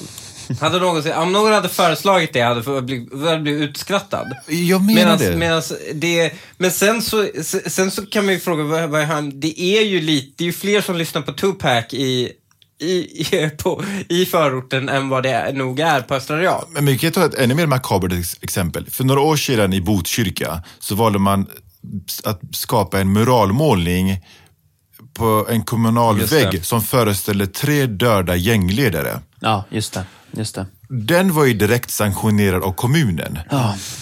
Så det där är ju det mest extrema exemplet jag kan komma på. Är, är det det man vill förmedla? Att här kan du dö som alltså en kriminell och bli hyllad på en kommunal vägg genom en målning. Gör dem till martyrer. Göra dem till martyrer, är det det vi, vi vill? För, vad- alltså, vad är det man förmedlar till de som bor där då? Um, Botkyrka är ju... Alltså det, det, det, det, vad, vad sysslar man med egentligen då? Så det är helt galet. Men det är en återkommande poäng som man hör i den här diskussionen är att alltså, i de här utanförskapsområdena, de, de, där finns det inte... Eller det är viktigt med manliga förebilder som inte är kriminella och sådär. Har, har, skulle du säga att du själv fyller den funktionen? Alltså att liksom, kidsen i Biskopsgården, ser de upp till dig? Alltså, det är en bra fråga. Alltså, jag tror att jag eh, där då på skolan kunde eh, använda mig av den, eh, alltså, den rollen. Att, okej, att man kan vara invandrare, man kan komma hit som flyktingbarn och sen bli rektor på en skola. Det är klart att det, det har en viss betydelse. Mm, men det här med man, manliga förebilder är jätteviktigt. Jag pratade med en, en kille som jobbat lång tid in- inom eh, skolan i Angered och han, han beskrev en situation för mig att vi har ett problem i, i det svenska skolsystemet. För han sa när det gäller invandrarungar, många av dem kommer från ganska patriarkala miljöer. När de börjar i förskolan så består all, i princip alla som jobbar i förskolan, det är kvinnor. Sen börjar de i grundskolan och det är kvinnor. Eh, så att de, de blir på något sätt, under de viktiga första åren i förskolan och skolan så möter de ju väldigt få manliga förebilder i förskolan och skolans värld. Det blir ett problem, det blir ett problem om du kommer från en väldigt patriarkal hemmiljö. Och jag har ju också på nära håll sett hur fel det där kan, kan slå. Återigen, om vi tar den somaliska folkgruppen. Det är en väldigt patriarkal kultur. Det är också den afghanska, den är också väldigt patriarkal. Men om man tittar på somalierna i Biskopsgården, där jag jobbade, då upptäckte vi att väldigt få manliga föräldrar kom till våra föräldramöten. då pratade jag med en av våra somaliska anställda och då så sa hon att skilsmässa är inte tabu bland den somaliska folkgruppen. Så en stor andel av de som bor här, de lever i skilsmässa. Ehm, många av de somaliska papporna, de jobbar i utlandet eller är hemma i Somalia. Och det blir ju ett problem om du kommer från en patriarkal hemmiljö, men patriarken inte är hemma och är på plats. Mm. Då kan det ju bli väldigt fel när sönerna kommer upp i åldrarna och får en, ett, en helt annan makt som de skulle ha haft annars. Uh, jag har själv haft föräldrar, alltså somaliska föräldrar som har skickat sina äldsta söner som är på glid till internatskolor i Somalia och Kenya, alltså uppfostringsanstalter. Mm. Uh, och det har man ju upptäckt först på senare år i Sverige, att det finns föräldrar som skickar sina barn till uppfostringsanstalter. Det har man inte pratat om tidigare. Jag hade det både i Gårdsten och jag hade det i Biskopsgården. Men du har också, alltså, man kan ju förstå affärsidén många av de muslimska friskolorna uh, för, för det är sällan du hör om stök och eh, så att säga, bråk eller ungdomar på glid på de eh, muslimska friskolorna. Så de facto står ju många föräldrar inför valet i de här skolorna. Ska jag skicka min unge till den kommunala skolan och den bli, kan bli liksom kriminellt slödder? Eller skickar jag den till den muslimska friskolan där, där ramarna är tydliga. Ramarna är tydliga, jag får, jag får rak kommunikation ja, av, av människor med samma etnicitet som mig som driver skolan. Och vi som, förstår varandras språk också. Exakt. Vi förstår exakt vad ungens problem är och det och finns noll och, filter. Liksom. Ja, och med språk menar jag att förstå varandras språk. Då menar jag inte det, kommunikationen. Jag mm. menar alltså värdegrund. Alltså man, man, vet vad man kan förvänta sig av dem där borta. Mm. Och då, då kan man till och med bli så att vi, vi ser ju, det är ju ganska intressant, du ser ju i data ser du att andra generationens invandrare är oftast mer religiöst konservativa än första generationens invandrare. Och det är kanske är en effekt av det, nämligen föräldrarna blir tvungna att använda religionen för att för annars kan man inte liksom hålla koll på barnen. Alltså det blir ett annat, eh, en ideologisk metod att hålla koll på ungen. Ja, även inom skolans värld. Min erfarenhet när jag pratat med lärare som jobbat med nyanlända exempelvis. De upplever att de nyanlända eleverna är den enklaste kategorin elever att arbeta med. För de har inte, vad ska man säga, institutionaliserats in i det svenska skolsystemet riktigt ännu. Men den svåra elevkategorin på den typen av skolor, alltså problemskolor, det är de som är födda och uppvuxna i Sverige. För de har liksom lärt sig koderna, de vet att skolan är ganska liksom, eh, konturlös. Eh, de, kan liksom, de vet att man kan kalla läraren för hora och komma undan med det. Alltså, du vet, de, de har lärt sig det systemet. Men kommer du som nyanländ så är det ju liksom fostrad i tänket från hemlandet att det är otänkbart att säga något sånt till sin lärare. Det är otänkbart att eh, kaosa in i klassrummet. Så att det är också intressant, alltså vad är det för någonting vi förmedlar i svensk skola, vad svensk skola är för någonting? Är det här en bildningsinstitution? Att du kommer hit, att du kommer hit för att lära dig? Eller ska det vara, ett ställ, ska det vara liksom en förlängning av en fritidsgård med massa saccosäckar och eh, eh spel i korridorerna? Jag, jag, jag raljerar lite, ja. men jag tänker så, vad, vad, vad, vilken bild är det man vill förmedla om den svenska skolan till de som kommer till Sverige? Men eh, eh, alltså, jag beskrev dig i början som eh, lika svensk som eh, SAS och köttbullar. Och, eh, vilket arguably inget av dem kan sägas vara helt hållet svenskt. Uppenbarligen inte. Men, men, men, men är det här med eh, svenskhet, liksom, är det någonting viktigt? Alltså identifiera sig som svensk? Jag tänker just i de här utanförskapsområdena och sådär. Alltså, finns det någonting eh, värdefullt i att människor som kommer från andra länder också liksom blir en del av Sverige så till den grad att de själva ser sig som svenskar? Alltså, jag tänker så här att i den politiska debatten så den är så knepig, den politiska debatten, för att du har å ena sidan sådana som menar, ja men, ja, men alla, alla som kommit hit ska ut. Och det är orealistiskt. Så istället så måste vi förstå att de som har kommit hit, de kommer att vara kvar här. Alltså de kommer att stanna kvar här i Sverige. De som kom från Turkiet på 60-70-talet, de flesta av dem valde att stanna kvar. Eh, så vi måste på något sätt acceptera att de som kommit hit har kommit hit för att stanna här. De, som, de ensamkommande som kom hit 2015, en majoritet av dem tror jag stannade kvar. Och då måste vi upparbeta ett integrationsarbete som utgår ifrån att det som saknas i Sve- Sverige idag är ett integrationsarbete som utgår ifrån hur ska vi få de som har kommit hit att känna sig så pass lojala med det svenska samhället att de är beredda att stå vid frontlinjen och offra sig för det svenska samhället. Alltså jag tror inte vi ens har etablerat ett sånt perspektiv. Att de är beredda att slåss om Sverige i framtiden, om ryssen kommer i framtiden om 15 år. Hur ska vi få de som bor här att offra sig i frontlinjen? Att försvara Sverige? Vi pratar inte om de här sakerna. Alltså hur skapar man en, sån lojalitet? Och bristen på lo lojalitet blir ju så uppenbar i samband med eh, IS-terroristerna. När IS-terroristerna åkte till kalifatet och anslöt sig dit. En symbolhandling som de gjorde var att bränna sina svenska pass. Kommer ni ihåg det? De till och med visade på film. De brände sina pass i en symbolhandling. Att nu är jag lojal mot kalif- gentemot kalifatet men inte mot mitt hemland. Och det tror jag att vi har inte pratat om värdet av ett moraliskt medborgarskap. Alltså medborgarskap i Sverige idag, det är det som står i ditt pass.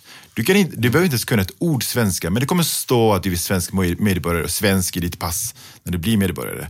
Men vad, bety- men, men, men vad är den moraliska aspekten av att vara svensk medborgare? Vi har inte pratat om de här sakerna. Uh, och, och, jag tänker så här att skit i de som har kommit hit nu. Alltså skit i, skit i det där att, att uh, jobba istället för att etablera ett sånt arbete, att få dem att känna sig så starkt lojala till det svenska samhället. Och ett sådant sätt är till exempel, som du är inne på nu, svenskhet. Vad innebär det att vara svensk? Ja, okej, okay, ett bra sätt är ju då att kunna prata om att vad är det som förenar oss? När jag växte upp i Biskopsgården, då, var, då, då hade vi kommit dit människor från alla världens håll och kanter. Men de som spelade en aktiv roll att skapa den här känslan av sam, eh, eh, alltså gemensam tillhörighet, det var en pensionärsförening som ordnade midsommarfirande, majbrasa. Alltså mitt första midsommarfirande, det var i Biskopsgården tillsammans med den här pensionärsföreningen. Och det var samma sak med majbrasa och så vidare. och så vidare. Det var det jag kom, då jag kom i kontakt med det. Men sen när de här pensionärerna började trilla, trilla av pinn, om du åker tillbaka till Biskopsgården idag, det är ingen som ordnar midsommarfirande idag. Det kommunala bostadsbolaget gör inte det. Eh, Fast midsommar är inte svenskt. Det finns faktiskt...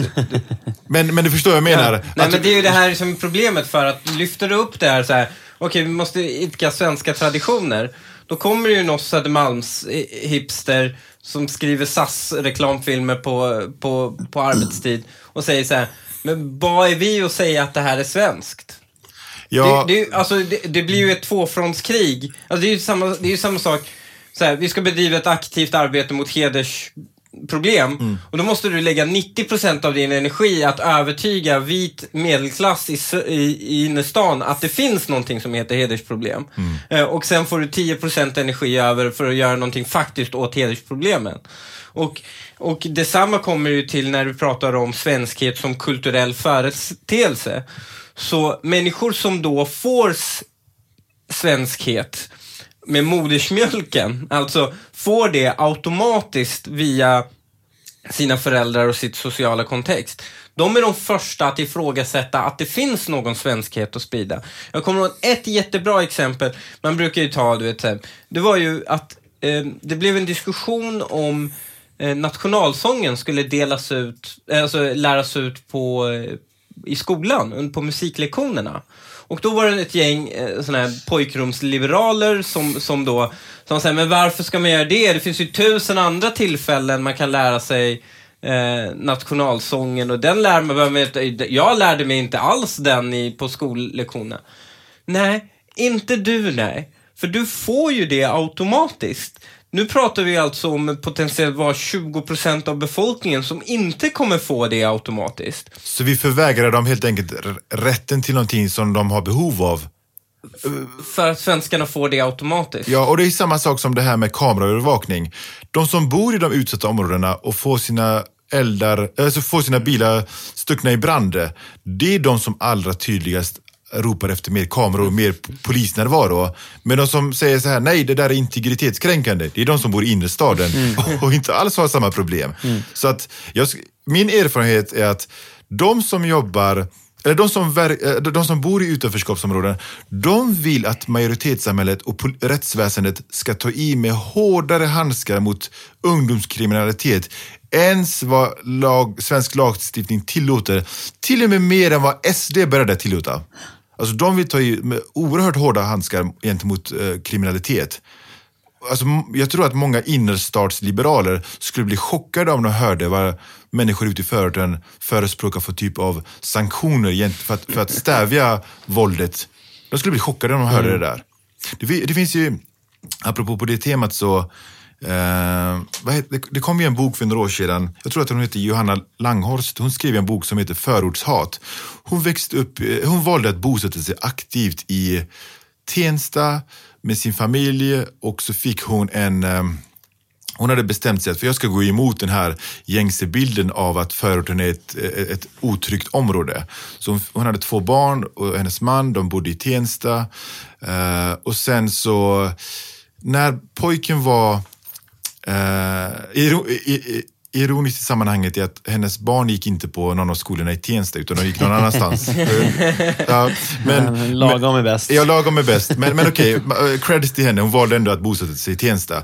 Och det här var ju av, helt och hållet av ideologiska skäl. Hon skulle visa på att jag kan, man kan bo här ute som svensk. Eh, men när hennes son kom upp i tonåren tror jag, så blev hennes son rånad vid, eh, nära bostaden vid två tillfällen inom loppet av en månad tror jag det var.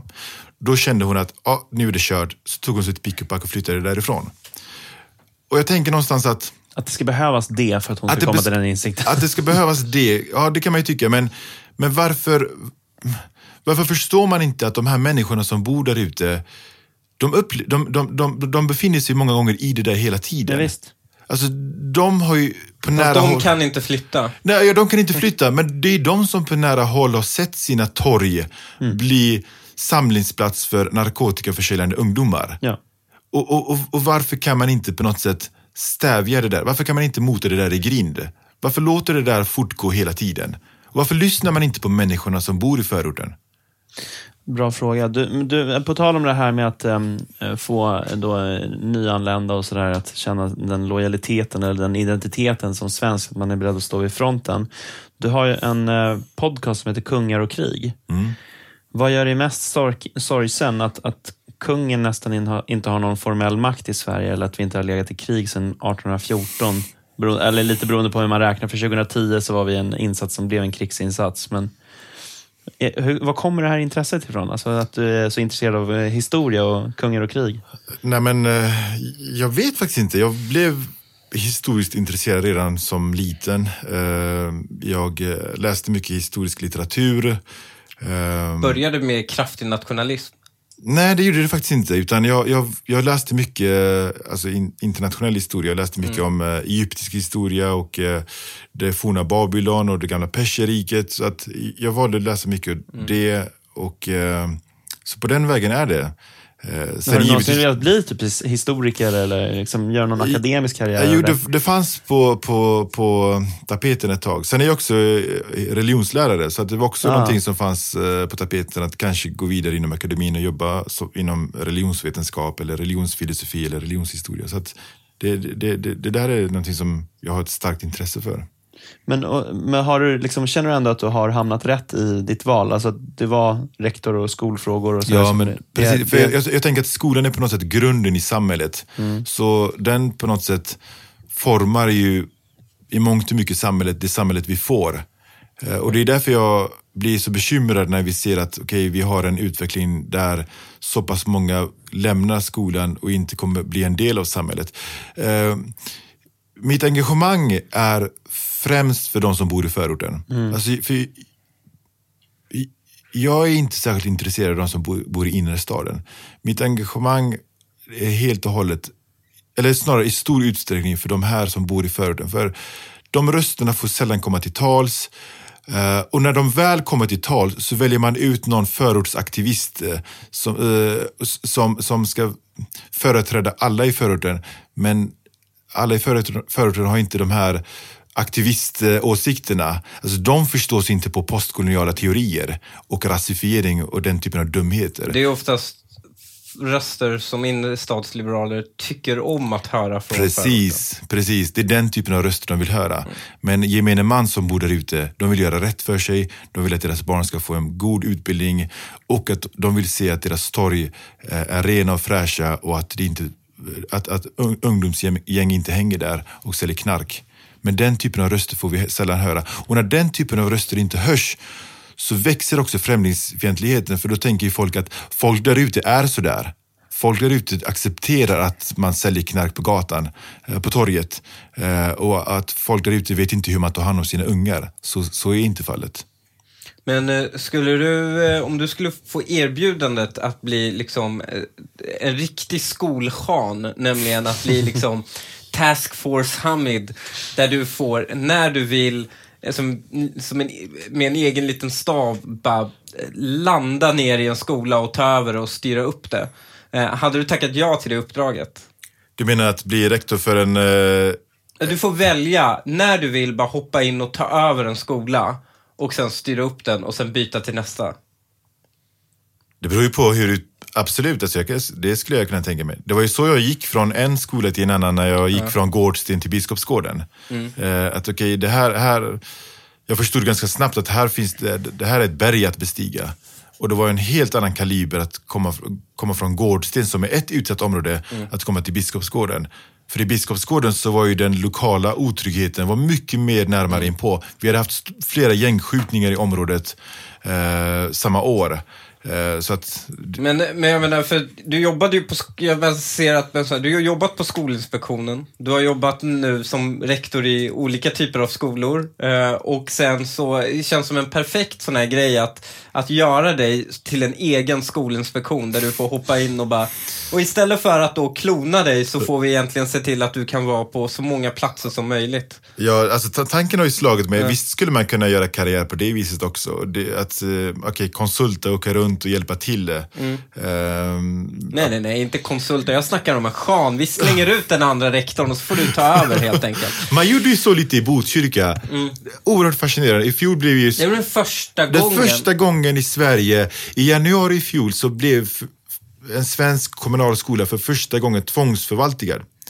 Så staten gick in och tog över skolan. Man sparkade de två rektorerna som jobbade där. Man anställde två rektorer. Jag tror att de var konsulter, de två rektorerna som kom in. Men de, var, de verkar vara av helt rätt virke, de två. Och sen så valde man att eh, placera två utredare från Skolinspektionen som jobbade där på skolan varje dag. Och så följde man ut eh, arbetet på skolan på nära håll. Man sparkade också skolchefen i Botkyrka. Eh, man tillsatte en utredning för hur kunde det här gå så långt? Och jag har tittat nära på det arbetet och det, och det visade sig att informationen hade inte gått från verkligheten, från skolan, till politikerna. Så att man hade förskönat bilden av hur, hur det gick på skolan. Och så gick det hela vägen in, till, eh, in i väggen tills det blev tvångsförvaltningen. Och det är ganska intressant för när jag jobbade på Skolinspektionen så pratade vi en del om det här. Det finns ju en skrivning i skollagen som säger att staten kan gå in och tvångsförvalta en skola. Och vi tänkte, var ligger den gränsen någonstans? Och hur illa får det gå på en skola innan staten tar över? Och det fanns en skola i Malmö, eller i Skåne någonstans, där 2012, 2011-12, som var riktigt illa ute. Och vi tänkte att okej, okay, kommer den bli tvångsförvaltad? Men den blev inte det. För i svensk byråkrati, man ger ju så många chanser mm. och ni får chanser att rätta till bristerna mm. och så får ni chanser att rätta till bristerna på nytt igen och så vidare. och så vidare. Tills man har åtgärdat bristerna. Men nu i januari 2019, nu vet vi var den gränsen ligger någonstans. Ribban ligger i Botkyrka. Storvretskolan, så illa får det inte gå. Uh, och det är förskräckligt att det kan bli på det viset. Och det är återigen som jag var inne på tidigare. Det är de som har allra mest behov av att ha en bra skolgång som blir de som blir allra mest drabbade. Det är förskräckligt att storvretseleverna fick den skolan. Verkligen. Ska vi säga som eh, Martin Wiklin brukar säga vid slutet av en söndagsintervju? Ska vi säga så? Vi säger så.